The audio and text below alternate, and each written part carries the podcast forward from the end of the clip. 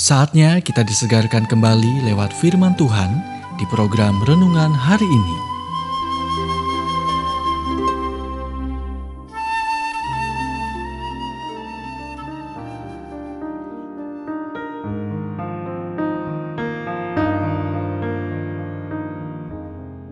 Renungan hari ini berjudul "Di mana Anda dapatkan kedamaian?" Nats firman Tuhan diambil dari Mazmur 29 ayat 11. Tuhan kiranya memberkati umatnya dengan sejahtera.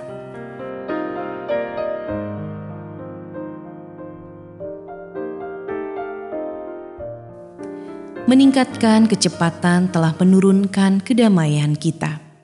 Ada lelucon lama tentang asisten pribadi yang stres yang memberitahu bosnya – Ketika kesibukan ini selesai, saya akan mengalami gangguan syaraf. Saya telah mendapatkannya. Saya pantas mendapatkannya. Dan tidak ada yang akan mengambilnya dari saya. Kita mungkin tersenyum, tapi kemungkinan besar Anda mengalaminya. Belum lama ini, kita menandai berlalunya waktu dalam musim. Tapi musim mengarah ke kalender bulanan – yang mengarah ke pengatur waktu harian, yang mengarah ke manajer satu menit, yang mengarah ke penyelenggara pribadi di ponsel kita. Dan semua itu mengarah pada apa? Ketika produktivitas kita naik, kualitas hidup kita tampaknya turun. Sebuah artikel di USA Today menggambarkan bagaimana terapis oversur mengadakan konferensi yang disebut speed.com pencarian makna di milenium baru. Dan tebak, di mana dia menggelarnya? Di jantung lembah Silikon, California yang stres. Saat para hadirin berkumpul, Sur memperhatikan wajah-wajah yang digambar, tatapan khawatir, dan sikap para pendengarnya yang sibuk. Dia mengatakan alarm pribadinya berbunyi ketika dia mencatat bahwa mereka telah membawa ponsel dan laptop dan mulai menggunakannya selama sesi itu. Inilah yang dia katakan tentang hal tersebut. Kita menjadi terobsesi dengan kecepatan.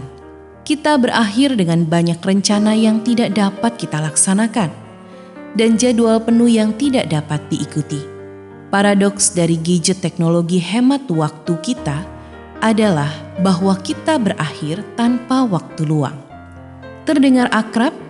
Jadi, ke mana anda bisa pergi untuk menemukan kedamaian kepada Dia yang bernama Raja Damai. Hari ini Dia berkata kepada Anda, "Sekiranya engkau memperhatikan perintah-perintahku, maka damai sejahteramu akan seperti sungai yang tidak pernah kering, dan kebahagiaanmu akan terus berlimpah." seperti gelombang-gelombang laut yang tidak pernah berhenti. Yesaya 48 ayat 18. Anda baru saja mendengarkan renungan hari ini. Kiranya renungan ini terus mengarahkan kita mendekat kepada Sang Juru Selamat, serta menjadikan kita bertumbuh dan berakar kuat di dalam Kristus. Bila Anda diberkati, berikan kesaksian Anda melalui WhatsApp di 0817 222 959 atau jika Anda ingin memiliki buku renungan hari ini, Anda bisa dapatkan di Radio Suara Gerasi FM, Jalan Setiabudi 31 Cirebon.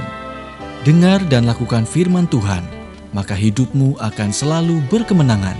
Tuhan memberkati.